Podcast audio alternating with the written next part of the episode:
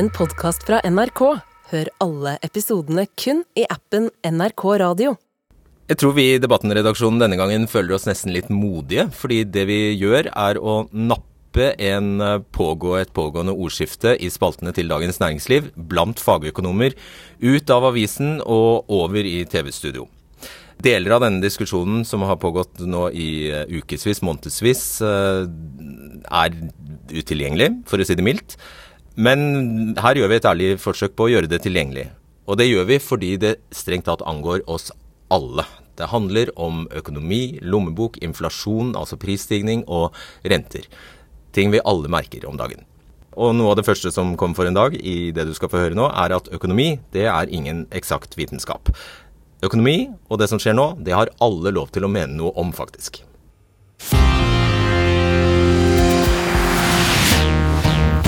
I kveld, kjære seer, skal jeg be deg om noe.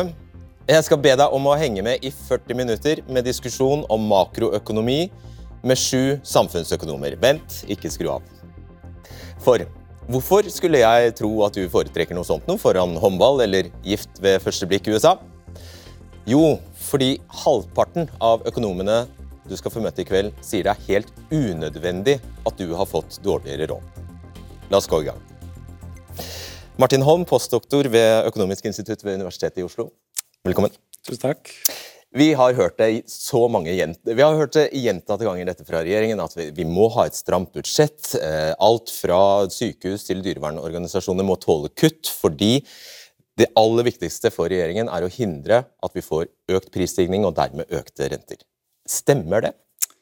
Ja, det er interessant. Det både stemmer og det stemmer ikke. Så det, det er to sider. For det første så vil et strammere statsbudsjett det vil stramme inn for eh, husholdningene, det vil stramme inn for økonomien, og det vil føre til lavere prisvekst. Men på den andre siden så er effekten av dette den er svært liten. Eh, Svært liten. Ok. Vi, det vi snakker om i tall, er altså at regjeringen i, i, årets statsbudsjett valgte å bruke 18 oljemilliarder mindre enn de gjorde i fjor. Altså regjeringen gjorde i fjor. Så tallet er 18 milliarder mindre, og det kaller de altså et stramt budsjett. Hvor stor eller liten effekt får det på inflasjon? Den er svært liten. så Hvis vi ser på de estimatene som finnes, så vil det ha en effekt på inflasjonen på eh, noe rundt 0,1 prosentpoeng. Så en, eh, I dag så har vi en konsumprisvekst på en årsvekst i konsumprisene på ca. 5,9% og Da vil du få en reduksjon i de fra 5,9% til 5,8% Det er nesten ingenting. Det er nesten ingenting. Ja, Så betyr det at du mener at de kuttene og de trange tidene som alle nå går gjennom, er unødvendige? Ja. ja. Og det, det bunner ut i egentlig en slags forståelse hvordan vi skal forstå økonomien, og hva som har skjedd det siste året. Så I det siste året så har vi sett veldig høy prisvekst i Norge. Og det er, to, det er på en måte to forklaringer på høy prisvekst som vi kan ha i et land. Enten at det er høyt press i økonomien, at det er høy etterspørsel, at det presser opp prisene eller at det er utenlandske prisimpulser eller andre prisimpulser som driver opp prisene. Og Mye av det vi har sett det siste året, er at energiprisene har økt, matvareprisene har økt, importert inflasjon har økt. Eh, og hvis, hvis det er etterspørsel som driver det, på den ene side, så er det lett. Da skal du stramme inn i Norge. Hvis det er utenlandske prisimpulser som driver det, da er det litt mer komplisert. For da vil disse prisimpulsene i seg selv, det at prisene har økt i Norge og inntektene ikke følger med, det gjør at husholdningene får dårligere råd. Så du og jeg har mindre penger å bruke på Du brukte ett ord jeg skal bare be deg om å øke Hva er prisimpuls? Ja, altså økt pris. Så vi kan si økt pris. Da økt sier vi det. Vi ja, så det du egentlig sa nå, er at regjeringen har misforstått situasjonen? Ja, det er at eh, det vi har sett i løpet av dette året, her, det har en effekt eh, på økonomien. At det strammer inn eh, for husholdningene. Så, så, bare det at det har, prisen har økt, og inntektene ikke har økt, det gjør at vi kommer til å få det trangere. Og det er spørsmålet skal vi gjøre det trangere. Eller, enda trangere. Enda trangere. Eller skal vi eh, delvis eh, ta hensyn til det, eller delvis også gjøre det mindre trangt? Ja, uh, og du, du, sier jo på en sånn måte at det er lett å forstå at det du mener skjer, er egentlig bare at nordmenn får redusert velferd, redusert levestandard. Det er egentlig alt som skjer her, mener du? Ja. Hvorfor vil en regjering gjøre sånt? Det er fordi de eh, tolker det som har skjedd eh, i stor grad som et eh, Eller de må tolke det delvis som et etterspørselssjokk. Altså som den, på den andre siden av hva som har skjedd. Eh, og så tror jeg de, det er delvis drevet, i hvert fall fra det de skriver, at det er en slags frykt for at prisene kan ta av. altså De har en slags sånn tankegang om å være føre var eh, her også. Men det er altså feil?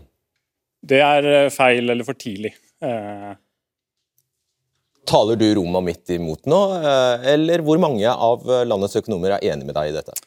Altså, akkurat de eh, Effekten av statsbudsjettet, eller effekten av eh, endring i produksjon i Norge på inflasjon, der er det ganske stor enighet om at de effektene er små. Så det du sa, at det, det de har gjort nå, nemlig å eh, legge for dagen et stramt statsbudsjett, det er alle, så, så godt som alle økonomer enige om, det har en veldig liten virkning på prisveksten? Ja. Ok, Vi skal få teste det nå! Ja, ja Greit. Foreløpig takk. Eh, Harald Magnus Andreassen, du er sjeføkonom i Sparebank1 Markets. Enig eller uenig med Martin Holmar? Først må jeg si at Det er utrolig bra at vi har sånne typer diskusjoner. Eh, og er det én ting vi vet i økonomifaget, så er det at vi ikke vet sikkert. Det er, ikke, det er ikke noe fysikk. Vi har ingen lover som kan bestemme, eller regler som kan si oss sikre svar. Dette er et samfunnsfag. Når det, ja, når det er sagt, så tror jeg han tar feil. Og Grunnen til det er at økonomien i dag er i Vi har et veldig høyt aktivitetsnivå, og det er veldig bra. Sysselsettingen er høy. Arbeidsledigheten er nesten den laveste siden 1980. Og vi har sjelden sett bedriftene fortelle at det er vanskeligere å få tak i folk enn det det er nå. Og det vi vet av erfaring, når økonomien er i det leiet, så klarer vi å holde lønnsveksten nede en periode, men ikke lenge. LO har en veldig viktig jobb og det skal vi snakke med etterpå, med å dempe veksten, men det varer ikke så lenge. Og da er poenget at Hvis vi da bruker mer penger over budsjettet, så har det direkte etterspørselseffekter i økonomien. Og Vi vet også at de effektene er mye større når økonomien opererer nær kapasitetsgrensen, eller som i dag, tror vi over. Så, så, så det betyr at inflasjonen ja, kommer til å stige mer. Ja, ta, roe ned litt. Altså. Ja, ja. Når vi, når vi, egentlig i et digert vi skal komme mer tilbake til det, hvor, hvor få disse 18 milliardene i et uh, norsk statsbudsjett faktisk er Du mener at selv så få milliarder så få milliarder, liten tue kan velte stort lass, er det det du sier? Ja, Vi skal ikke overdrive effekten av det, men de er, vil være godt synlige. Og Det har også vært snakk om å bruke vesentlig altså Noen ville ha ofte hørt på tallet 30. Uh, og Det er et tall som ville påvirke økonomien vår ganske betydelig, slik situasjonen er i dag. Men i en annen situasjon hvor ledigheten var lav, hvor vi hadde ledige ressurser, ja, så er det ikke noe problem at staten bruker mer penger. Da, da ta, tror jeg tar med det at det, hovedargumentet ditt er det er nå så lav ledighet at hvis du gjør det du, hvis man gjør det du uh, har regnet på f.eks., og sier at regjeringen skulle bruke 30 milliarder mer, så ville det altså vært uh, nesten en oppskrift på høyere prisvekst. Ja, og Da er det to ting her. så... Uh Statsbudsjettet for 2023 det gjelder for neste år. så det, det, vi egentlig er interessert i, er ikke dagens situasjon, det er hva vi tror om neste år. Og da, Hvis du ser på anslagene fra Norges Bank hvis du ser på anslagene fra SSB, eh, så skal ledigheten opp neste år. Så vi skal ned, altså, vi, vi, skal bort fra den stramme, så stramme økonomi som vi har i dag. Eh, så i, i, den situasjonen i neste, neste år så er det der er vi tilbake der med mindre stram økonomi. da. Så, eh, ja, jeg tror vi henger med så langt. Eh, eh, Kjersti Haugland, sjeføkonom i DNB Markets. vil du eh, Hovedsakelig så er dere enige om at det ikke er lurt å bruke mer penger, ikke sant? Ja, i dagens situasjon, sånn som Harald Magnus Andreassen sier her, så er vi i en situasjon med eh, veldig lav arbeidsledighet. Vi har bedrifter, produksjonssida i økonomien, klarer rett og slett ikke å produsere eh, like masse som det etterspørselen tilsier. Eller de iallfall sliter med å få det til, bl.a. pga. mangel på arbeidskraft. Og så en annen faktor her. Vi er i en spektakulær situasjon. Det er 40 år siden det vi snakker på 70-80-tallet, at inflasjonen har, vært så høy som den er nå, i Norge og i andre land. Dette er et internasjonalt problem.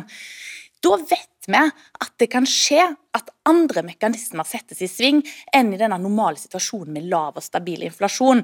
Det er f.eks. studier som tyder på det, at bedriftene har mye lett lettere for å begynne å sette prisene opp hyppigere og følge etter andre bedrifter når de setter opp prisene sine. Så Vi ser en mye mer synkron oppgang og sterk oppgang i veldig mange typer priser. Og dette her, At nettopp mekanismene blir annerledes når vi har veldig høy inflasjon, sånn som vi har nå, gjør at myndighetene bør være ekstra på vakt. Fordi man vet ikke hva som kan skje? vi det vet ikke hva som, skal, eh, hva som skjer. Det bør myndigheter, både i form av finanspolitikk og pengepolitikk, agere med hensyn til. Ok. Torfinn uh, Harding, professor ved uh, avdeling for samfunnsøkonomi og finans ved Handelshøyskolen ved Universitetet i Stavanger. Den er lang, den tittelen! den ble, riktig. Uh, hvor stiller du deg her? Vil, vil, er det riktig det regjeringen gjør, å føre et stramt budsjett og kutte og, nær sagt overalt for å holde inflasjonen nede? Vil det fungere? Jeg mener det er bra at regjeringen ikke bruker mer penger over statsbudsjettet men jeg mener begrunnelsen er feil. Okay. Ehm, jeg er enig med Martin, i at, Martin Holm i at ehm, effekten av dette på inflasjonen, og dermed på renta, er svært liten. Ehm, jeg mener at finanspolitikken bør dreie seg om helt andre ting. bør dreie seg om offentlige eh, tjenester, om de leveres med god kvalitet og den typen tjenester vi ønsker. Om eh, budsjettet legger til rette for arbeid og investeringer, og fordeling eh, mellom folk nå, men også mellom generasjoner. Det bør være hovedfokuset. Det er altfor mye fokus på at man skal bruke statsbudsjettet til å finstyre økonomien. Det er meget vanskelig. Det er vanskelig å ta i uh, Treffe riktig på hvor mye du tar i, eller bremse nok, da. Og det er også vanskelig med timingen. Altså, er ja, jeg skal bare, tror, tror jeg skal bare ille til og, og bare forsøke å klarlegge. Eh, dere er enige i, begge to er enige om at eh, de, den innstrammingen eh, regjeringen gjør gjennom statsbudsjettet, er så liten at det får ikke den effekten de påstår Absolutt. det vil få, nemlig lav, eh, å dempe inflasjon. Og Regjeringen sier jo til og med i sitt eget, finans, eh, i sitt eget budsjett at dette ikke har noen effekt på eh, BNP. Hvorfor gjør de det da? Nå, nå har, for det første så har jo eh, Finansdepartementet, eller finansministeren, Eh, svart på spørsmål i Stortinget forleden, hvor han eh, eh satte opp argumentasjonen for, og resonnementene rundt eh, eh, inflasjonseffekten av å øke pengebruken. Da tror jeg de brukte 30 milliarder kroner, som har vært nevnt. Eh, og Da kom de til et tall som ligger vesentlig høyere enn de anslagene her, og sa at risikoen ligger på oppsiden. Modellene sier at i en normalsituasjon så vil de kanskje gi 0,3-0,4, det høres ikke så mye ut, men i en situasjon hvor inflasjonen er høy, hvor bedriftene som du sier, lett kan sette opp priser, og hvor vi også har sett at Når vi spør bedrifter, når vi spør økonomer rundt omkring i fagbevegelsen andre, og hos arbeidsgiverne, så venter de nå en klart høyere inflasjon enn tidligere. Og Da er risikoen mye større. Og det er helt riktig, Finanspolitikken handler primært ikke om å finstyre inflasjon. Definitivt. Helt enig. Eh, på den annen side så har finanspolitikken vært en viktig stabilisator, eller regulering da, av økonomien, både med finanskrisen og pandemien. Så finanspolitikken har måttet komme litt til heder og verdighet for å kunne stabilisere økonomien. Dere tar det så for gitt at folk vet hva finanspolitikk ja, er. Hva er finanspolitikk? Statsbudsjettene. Takk. Takk. Statsbudsjettene. Takk. Ja. Vanligvis så vil jo jeg også si at eh, hovedpoenget innenfor når du skal legge fram et statsbudsjett, skal ikke være hva skjer med renta, hva skjer med inflasjonen. Men som jeg sa, det er en helt spektakulær helt ekstraordinær situasjon. Vi er vitne til noe vi ikke har vært vitne til på veldig veldig lang tid. Da blir dette et viktig hensyn òg for bedriftene og samfunnet og samfunnsøkonomien. fordi at det er ingen økonomi som klarer å fungere godt hvis inflasjonen blir høy og ustabil. Og Da må nesten finanspolitikken i alle fall ikke gå i beina på pengepolitikken fullstendig og ødelegge oppgaven. og det vil hvis en... Ja, nå brukte du enda et begrep. Så Hva er forskjellen på finanspolitikk og pengepolitikk? Pengepolitikken den har som mandat, det er deres jobb, å holde prisstigninga lav. Det er Norges Bank. Det er, Norges Bank. Det er rentene. Den skal holde, renta skal brukes for å holde inflasjonen låg og stabil. Men hvis det pøses på, f.eks. sånn som har blitt foreslått fra Martin Holm her, Eh, med å ta ekstra penger fra oljefondet og rett og slett dele ut en kontantstøtte til alle husholdninger i Norge på 2000-3000 hver tredje måned, og liksom ta friske penger og sprøyte penger inn i økonomien, så er det jo åpenbart at dette her vil gjøre jobben til Norges Bank vanskeligere. Eh, så det er rett og slett feil vei å gå. Det er masse penger på budsjettet. Ønsker du å prioritere støtteordninger, så ta andre plasser i budsjettet. Ok, vi Du foregrep bitte litt her nå, fordi jeg tenkte vi skulle komme til det aldeles straks. Før du skal forklare. Du, du har nemlig foreslått det, at hvorfor ikke gi et par-tre par, tusenlapper hver tredje måned til alle innbyggerne i, Oslo, eh, i Norge. Det har du foreslått, Hånd. Jeg skal straks snakke om det. Jeg skal bare, For å henge med her jeg nevnte det. Det er snakk om 18 milliarder kroner i innstramming i, i, på statsbudsjettet. Det er et av verdens aller største statsbudsjett, og det skal vi ikke glemme. Det er på 1748 milliarder kroner. Men egentlig går altså Norge med underskudd.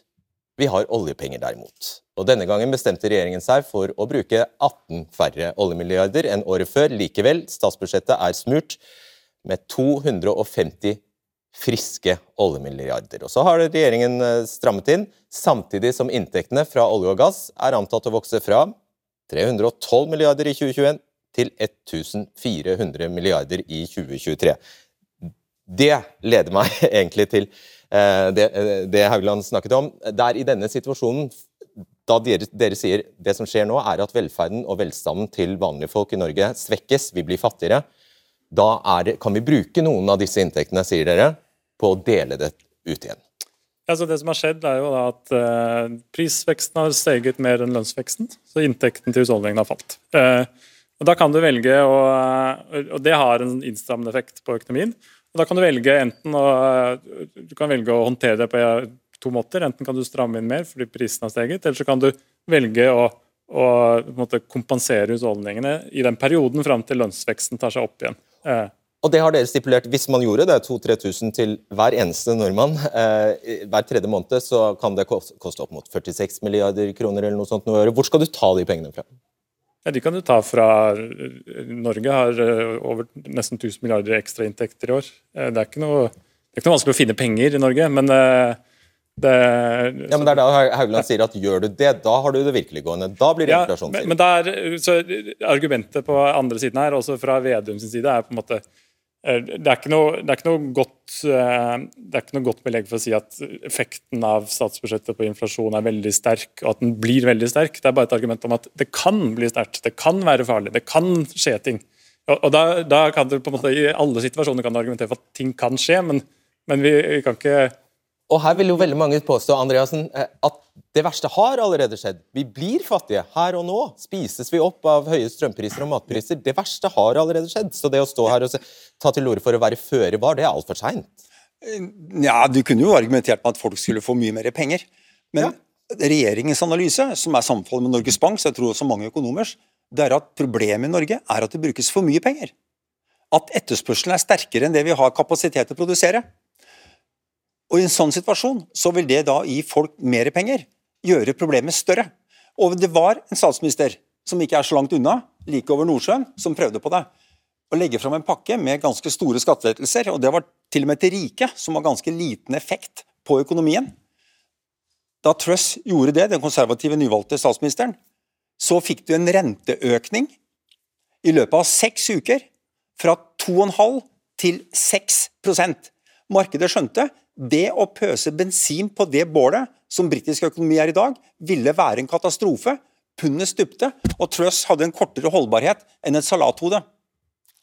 Fordi alle, at politikken ja. overhodet ikke var tilpasset realiteten og økonomien. Nei, og Markedet gikk bana, såkalt bananas. Dette vet vi at du har en innvending mot. Den sammenligningen ja. mellom uh, Storbritannia og Norge. Ja, altså Storbritannia, et, eh, Storbritannia finansierer statsbudsjettet ved hjelp av opplåning av penger i Norge det er veldig vanskelig å argumentere for at fordi vi har milliarder, nesten 1000 milliarder ekstra inntekter i år, at det at vi skulle bruke 30 milliarder ekstra skulle gjøre at et eller annet obligasjonsmarked eller et lånemarked skal straffe Norge på den måten som det, det var ikke, Nei, det var, det var riktignok så steg langrenter, så det var et ekstraproblem. Så det kan ha noe med straffen å gjøre.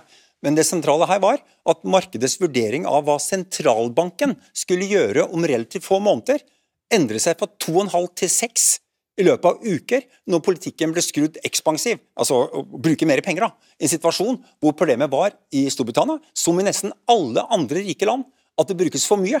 At ledigheten er for lav til å skape balanse i økonomien. Hvis vi bare lar Storbritannia-eksempelet ligge et lite øyeblikk. For, for eh, lekfolk så ser jo disse tallene 1700 milliarder kontra 18 milliarder helt det, det, det virker som en total mismatch, og at disse 18 milliardene skulle kunne verken gjøre fra eller til, eller at 30 for den saks skyld skulle kunne gjøre fra eller til. Mm. Men alle monner drar, og i dagens situasjon så har vi veldig store ubalanser på verdensbasis og i norsk økonomi, som gjør at risikoen for at vi skal havne i et veldig ugunstig scenario, noe vi virkelig ikke ønsker, der prisveksten pri, eh, biter seg fast på et veldig høyt nivå, det er ikke sånn, eh, sånn eh, rar tenkning. og det, det, det, er en risiko vi må ta på alvor. altså. Det skjedde på 70-80-tallet. Å bare blåse dette her og si at nei, nei, det skjer ikke denne gangen, det syns jeg er veldig lite ydmykt. Eh, så at myndighetene faktisk ønsker å legge risikovurderinger til grunn når de legger politikken sin, og ta hensyn til at det kan oppstå mekanismer som fører oss inn i en fryktelig og kostbar situasjon. og Det syns jeg er veldig bra. Verre enn i dag, vil jeg anta du mener. da. Definitivt, for Hvis dette varer ved, så er det jo definitivt dårlig nytt, og særlig for de som har minst i samfunnet. Ja, fordi Poenget mitt var jo at mange har det ille i dag allerede. Ja, Og hvis dette vedvarer, så blir det fortsatt ille. Hvis du ikke vil bruke mer penger, men du, eh, jeg leser jo ut fra det du har skrevet, har stor omhu for nettopp eh, de som sitter eh, dårligst i det nå. Hva er ditt alternativ, da? Hva skal, hva skal en regjering gjøre? Hva skal, de, hva skal den gjøre? Eh, hvis man skulle gjøre noe, så kan man jo omfordele innenfor budsjettet. Man kan jo tenke på eh, overføringer over statsbudsjettet. Det er en viktig del av finanspolitikken. Er en viktig del av de 1700 og noe milliardene som diskusjonen burde dreie seg om. ikke sant? Så man har alltid mulighet for å omfordele. Gi et eksempel på en sånn omfordeling. Nei, Det kan jo være å øke kontantoverføringer, øh, øke trygder eller den type ting. Hvis, det, hvis man observerer Dette er politiske spørsmål, men hvis man observerer at det er grupper i samfunnet som nå har det tøft pga. Høye priser, ja, så kan man jo gjøre Men da må du kutte enda mer i sykehusene, da, eller? Du må ta disse pengene fra et sted, men Harald Magnus Andreassen har jo helt rett i at det er noen kapasitetsbegrensninger i økonomien her. Og jeg tror disse prisene er jo viktige signaler Eh, og Derfor er jeg også enig med Martin eh, Holm i noe av det han har skrevet, som handler om det at man skal f.eks. overføre penger til bedriftene, fordi da kan de eh, slippe å øke prisene sine så mye. Ja, det ville jo på et eller annet nivå ha redusert kanskje prisveksten for en periode, men hvorfor stoppe der? Da kan vi begynne med priskontroll, vi kan la staten bestemme prisene. Det er en dårlig vei å gå, det er prøvd mange andre steder, det fungerer ikke. Vi må bruke priser for at markedsøkonomien skal fungere. Ok. Eh, eh, jeg skal bare minne om at på nrk.no nå kan du lese om det Harald Magnus Andreassen eh, snakket om i sted, nemlig at Trygve Slagsvold Vedums byråkrater i Finansdepartementet har nå regnet på hvor mye prisveksten vil øke hvis regjeringen i stedet for å bruke mindre penger, brukte mer penger. Og Svaret de gir, er altså at vil, prisveksten vil øke mellom 0,15 og 0,45 prosentpoeng over to-tre år dersom regjeringen brukte 30 milliarder mer i statsbudsjettet for 2023 og fremover. Det kan du lese om på nrk.no. Med risiko på oppsiden pga. situasjonen i økonomien i dag. Med en, med, med en, når du sier oppsiden, så tror jeg også du skal få omformulere det. Med risiko for at prisveksten kommer til å stige mer, fordi at økonomien er i en sånn sterk høykonjunktur som i dag. Større risiko for at den øker enn at den synker? Ja, altså dere sier Modellene i en normalsituasjon kan gi ja, 0,15-0,45, det er riktig. Så legger det til at gitt situasjonen i økonomien i dag, så er det en fare for at økningen i prisveksten blir større. Og så vil jeg bare legge til det med, med på finanspolitikk, eller det med å støtte de som nå sliter. Du har hatt folk inne på dine sendinger. Eh, vi hadde Brennpunkt i går, eller, eh, på, eller foregårs, på forhold som ikke nødvendigvis Vi vil si at dette er helt riktig. Det å si at vi skal løse det Du er ærlig, du vil omprioritere. Ja, vi, vi, Men jeg, bare, sier bare, jeg sier at det å gå og hente da pengene i oljefondet, som er måte, egentlig vår avtale med barna om å fordele de inntektene for olje og gass over tid, det har jeg lite respekt for. Jeg er villig til å betale mer skatt for å hjelpe de som har dårlig råd. Men jeg vil ikke gå og hente pengene i sparebøssa til ungene for å gjøre det. Kort svar. Ja, jeg er jo enig i at man må omfordele, og man må tenke Kort svar fra deg, og så skal vi det, eh, jeg, altså jeg, også, jeg, kan legge til da, at eh, statsbudsjettet, selv om de 18 milliardene virker lite, så er det i praksis kommer til å være mye mer innstrammende enn det. fordi de har lagt inn en sånn prisjustering der som strammer inn veldig mye mer. Det kommer til å se, vi kommer til å se flere saker som sykehuser som må kutte framover, som er mye mye mer omfattende enn de 18 milliardene. Ok. Vi lar det være punktum for denne runden, og sier tusen takk eh, til deg, Hånd. Eh, som sagt, det vi har snakket om fram til nå, kalles finanspolitikken. Altså det politikerne kan gjøre noe med gjennom statsbudsjettet for å styre aktiviteten i økonomien. Eh, og det politikerne absolutt ikke vil risikere, er å legge til rette for at det blir høy prisvekst. For da vil altså Norges Bank fort komme på banen og heve renta. Da er vi over i det som kalles pengepolitikk. Og I dag bestemte Norges Bank å holde styringsrenta uendret på 2,75% og de fleste tror det kommer en ny heving i mars. Men også her er økonomene uenige om hva som er den beste medisinen for å få bukt med prisveksten. Da skal, jeg, skal jeg si faktisk uh, god ettermiddag til Kjetil Storesletten, som befinner seg i USA, i uh, Minneapolis uh, i Minnesota. Du er professor ved University of Minnesota og Universitetet i Oslo. du skrev i Dagens Næringsliv Storesletten, at renta må opp, opp, opp. Hvorfor det? Norges Bank har ansvaret for um, å holde inflasjonen under kontroll. Norges Bank har ett verktøy i verktøykassa, og det er renta. Problemet som den, den, debatten her i kveld viser, er at det er usikkerhet og, og uenighet om hvor effektiv eh, eh, eh, rentepolitikken og, og, finanspolitikken er for å, for å, få ned inflasjonen. Vi vet at eh, inflasjonsendringer er veldig seige. Og vi vet òg at, at økt inflasjon i dag gir høyere lønninger i morgen. Men det, det alle her i kveld kan være enige om, det er at forventninger om fremtidig inflasjon det er det aller viktigste for å bestemme hva inflasjonen blir. Eh, det, det mener jeg Tenk deg at eh, hvis folk begynner å tro at inflasjonen skal bli høy, da vil butikkene sette litt høyere priser, og arbeiderne vil be om større lønnspålegg. Og da blir inflasjonen høyere. Så forventningene blir bekrefta av seg sjøl. Eh, for Norges Bank ja, jeg skal, bare, jeg, skal bare, jeg skal, bare, lede deg inn på konklusjonen her. For det er altså at i en sånn situasjon så må Norges Bank true med, om ikke bruke, så i hvert fall true med å bruke storslegga, nemlig å øke renta veldig brått og veldig høyt eh, og veldig mye. Sånn at folk begynner å tro at inflasjonen er under kontroll. Fordi vi er så redde for at det scenarioet som, som, Haugland viser til, at folk skal slutte, at folk skal begynne å tvile på det inflasjonsmålet. Da, vil, da, da, da, da mister Inflasjonsmålet, det at folk tror på 2% det fungerer som et anker. Så når inflasjonen driver i vei, så blir det trukket tilbake. Men folk begynner å tro at Norges Bank ikke er så seriøse med hensyn på det, ja, da, må, eh, da, da mister eh, politikken sin effekt, og, og, banken må ta veldig hardt i for at Eh, for at folk skal få tilbake troen. Og det er tidspunktet nå, eh, mener du, for å gjøre det for Norges Bank? Eh, det er iallfall det andre sentralbanker, som f.eks. ECB og den amerikanske sentralbanken gjør. Oppskriften for å beholde troverdigheten er klar. Det er å vise handlekraft. Derfor tror jeg det er et, et godt tidspunkt å sette renta opp nå. Takk, Kjetil Store, Storesletten. Takk skal du ha.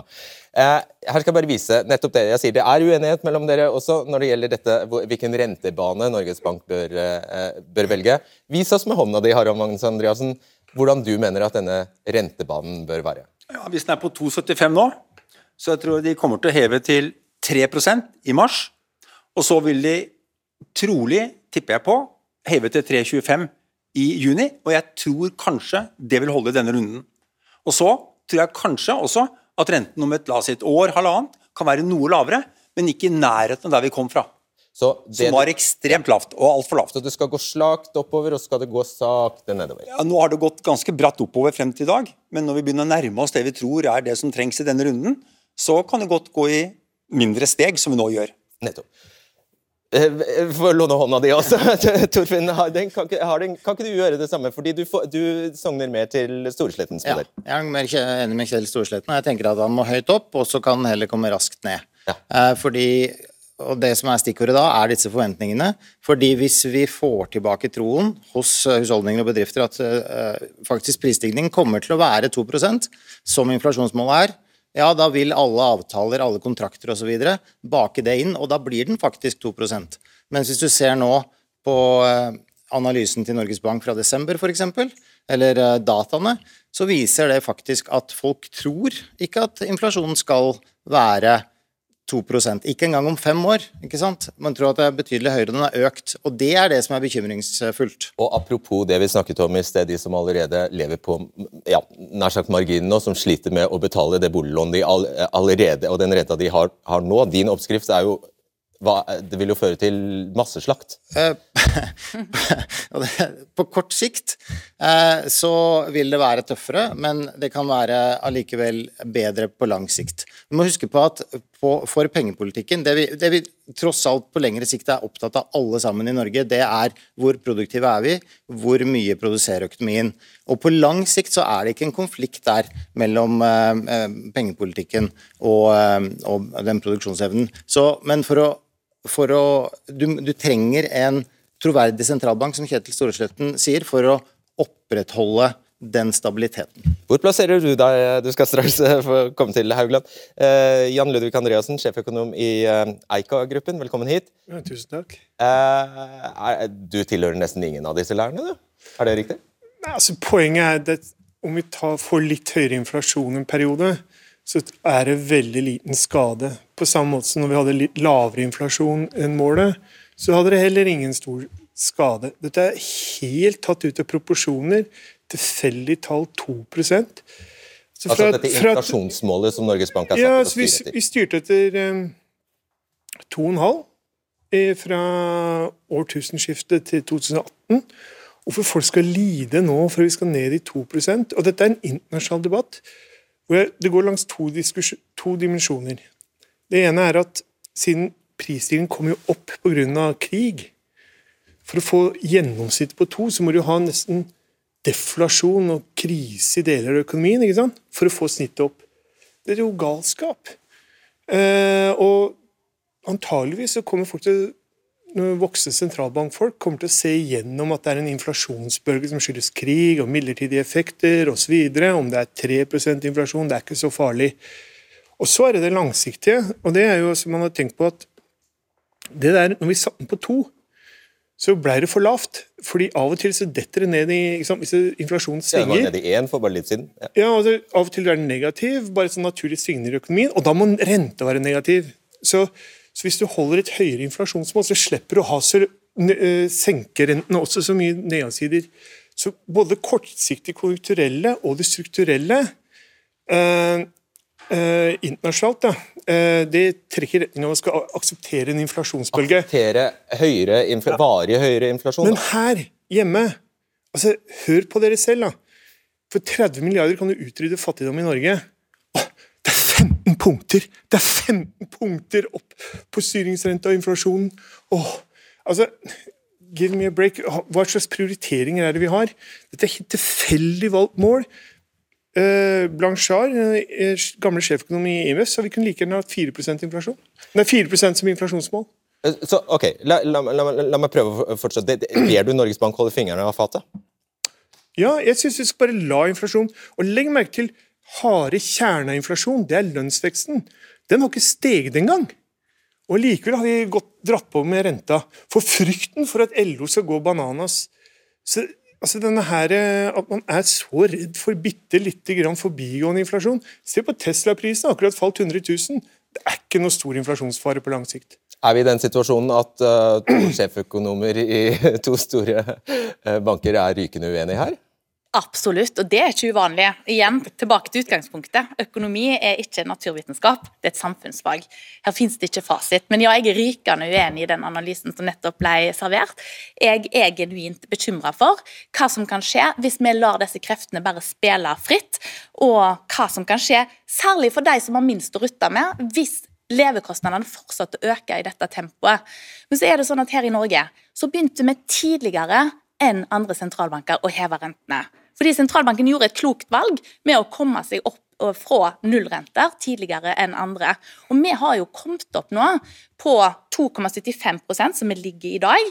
Og når det da blir vist at ECB, altså våre kollegaer i eurosonen, har vist seg fra en veldig aggressiv linje nå i det siste, ja, det er sant, men de kom fra minus 0,5% og de kom altså ikke i gang før i sommer med å heve renta.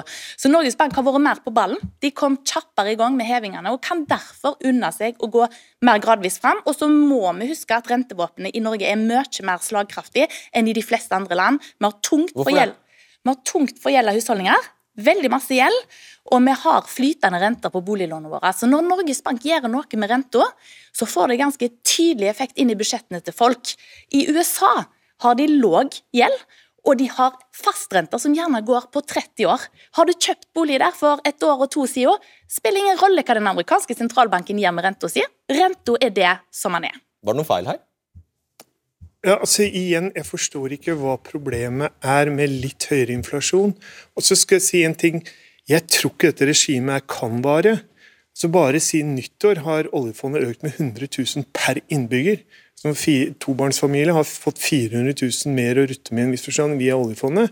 Og Det å sitte og holde igjen og holde igjen, fordi kors av meg eh, eh Inflasjonen kan komme opp 15 basispunkter. Så det, det her er Jeg vokste opp på 70-tallet, det var mange prosentpoeng. Det smalt opp, og det var 10 og 5% inflasjon. Så jeg skjønner at alle er sjokkskada av litt frykt for inflasjon. Dette er en helt annen skål. Hva er et basispunkt? Å, oh, unnskyld, det er jo hundredel av prosentpoeng. Takk. Da, det er veldig, veldig god oppklaring. det er egennyttig. Eh, eh, vi tar en, eh, en, liten tur til deg, Roger Bjørnstad. Du er sjeføkonom i, i LO og er med oss fra Island i kveld. Og du har gjentatte ganger bedt Norges Bank ikke bry seg, altså ikke heve renta, fortsette å heve renta, og sagt at du og partene i arbeidslivet vil klare brasene. Dere, dere vil klare å få ned inflasjonen. Hvordan tenker du da? Nei, du vet, eh, jeg blir jo litt trist når jeg hører den debatten. og Det er av to grunner. og Det ene er at det skyver de fattige arbeidsfolka foran seg for å forklare renteoppgang. Eh, og Det andre er at de postulerer sammenhengen i økonomien om at eh, forventninger om inflasjon skaper inflasjon. Men det er jo vi partene i arbeidslivet som skal forhandle lønn. Og det er ikke sånn vi forhandler lønn. Vi forhandler lønn ut fra industriens konkurranseevne, og ikke ut fra å kompensere for eh, importert inflasjon. Og det at Norges Bank da skal motarbeide importert inflasjon med å øke arbeidsledigheten, det er vi imot. Og det utfordrer jo den tilliten som vi bygger på når vi skal uh, få alle arbeidstakerne til å akseptere at industrien skal være ledende i lønnsforhandlingene. Ja, og da tror jeg at jeg eh, skal legge til eh, det er en økonomisk eh, ja, Er det en sannhet, dette her, at det vil følge høyere ledighet med høyere rente i en sånn situasjon som vi er nå? Det er i hvert fall det du påstår nå, Bjørnstad. Og men hva, er, altså, hva, får deg til å tro altså det, Din plan fordrer jo at du har alle Norges arbeidstakere med deg, at ingen stikker av, av, av gårde, og at alle f.eks. som i fjor godtar reallønnsnedgang. Det innebærer at vi må legge frontfagsmodellen til grunn, som er en kompromissmodell. Det er en modell for å finne fram til de beste løsningene for landet som helhet. Og vi bygger denne modellen på tillit. Det innebærer jo tillit mellom partene i arbeidslivet. Men det bygger også på tillit til at den økonomiske politikken underbygger vårt mål. Nemlig å ha en lønnsvekst som er riktig for landet vårt. Eh, og Hvis ikke den tilliten er til stede, så kan heller ikke tilliten gå motsatt vei. Så eh, vi er helt avhengig av at eh, den økonomiske politikken samspiller med lønnsdannelsen for en riktig lønnsvekst for landet vårt. Og vi har frontfagsmodellen, vår måte å forhandle lønn på, som, en, eh, som et verktøy for å oppnå en riktig utvikling for norsk økonomi. For Det finnes noen Harald Magnus Andreas, noen åpenbare ofre for, en sånn, for, en, for rentehevninger, rett, rett og slett? Ja, alle er bekymret, bortsett fra Jan da, Andreassen her, er bekymret for inflasjonen. Folk i Europa, i USA og i Norge har sagt at de er forferdelig irriterte og forbanna på høy inflasjon. Problemet er at ingen liker tiltakene som er nødvendige for å få inflasjon ned. Og det er helt riktig at enten du bruker finanspolitikken, altså budsjettene, for å stramme til, eller du setter opp rentene, så er det helt klart, de sier det i prognosene, i Norges Bank, i Riksbanken, i Bank of England, i den europeiske og i Federal Reserve, for å få ledigheten opp fordi den er for lav. Og så er det sånn at jeg har veldig... Er utrolig kynisk. Ja, men Det er fordi at alternativet, å kjøre videre med en ledighet som er for lav, det skaper større ustabilitet i økonomien etterpå. Og det har vi prøvd. Til slutt, på 70-tallet, så endte vi opp med en ledighet som var svært høy, en rente som var svært høy. Jeg bare si først til det med, med uh, frontfagsmodellen. Den gjør at vi i Norge tåler mye lavere ledighet enn andre. Men vi tåler ikke hva som helst av lav ledighet og mangel på arbeidskraft før lønnsveksten stikker. Det har den gjort mange ganger før. Så LO trenger hjelp fra stabiliseringspolitikken. Den andre, Andreas. Eh, jeg er helt uenig. Jeg, jeg, tror altså Det som er veldig viktig her nå, det er det eh, Roger Bjørnstad sier. Det er han og LO som faktisk holder inflasjonen. Det er de som står for inflasjonsmålet. I praksis, hvis vi hadde hatt like uansvarlige fagforeninger som i andre land, uavhengig av hva Norges Bank hadde gjort, så hadde vi fått masse lønnsvekst, fordi vi har jo råd til det, store overskudd på statskassa.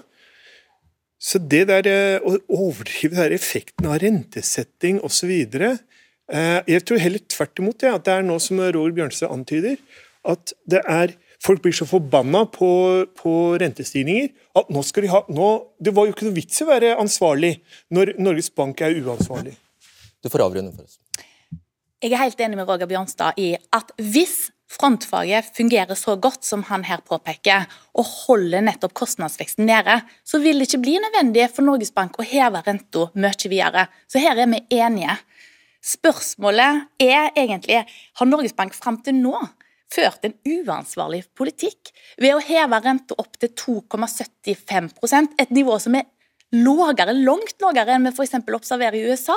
Jeg vil si det er en ganske så forsiktig og balansert respons på de enorme inflasjonskreftene som er i sving, og jeg mener at Norges Bank har gjort gode vurderinger her. Og der var det over. Debatten er tilbake tirsdag. Takk for nå.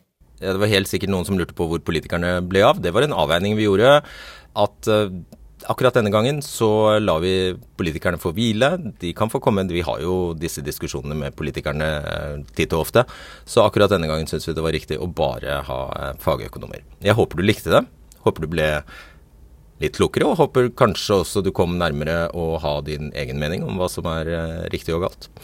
Ja, jeg tror jeg lar det være med det, og så ønsker jeg på gjenhør. Ha det. Du har hørt en podkast fra NRK. Hør alle episodene kun i appen NRK Radio.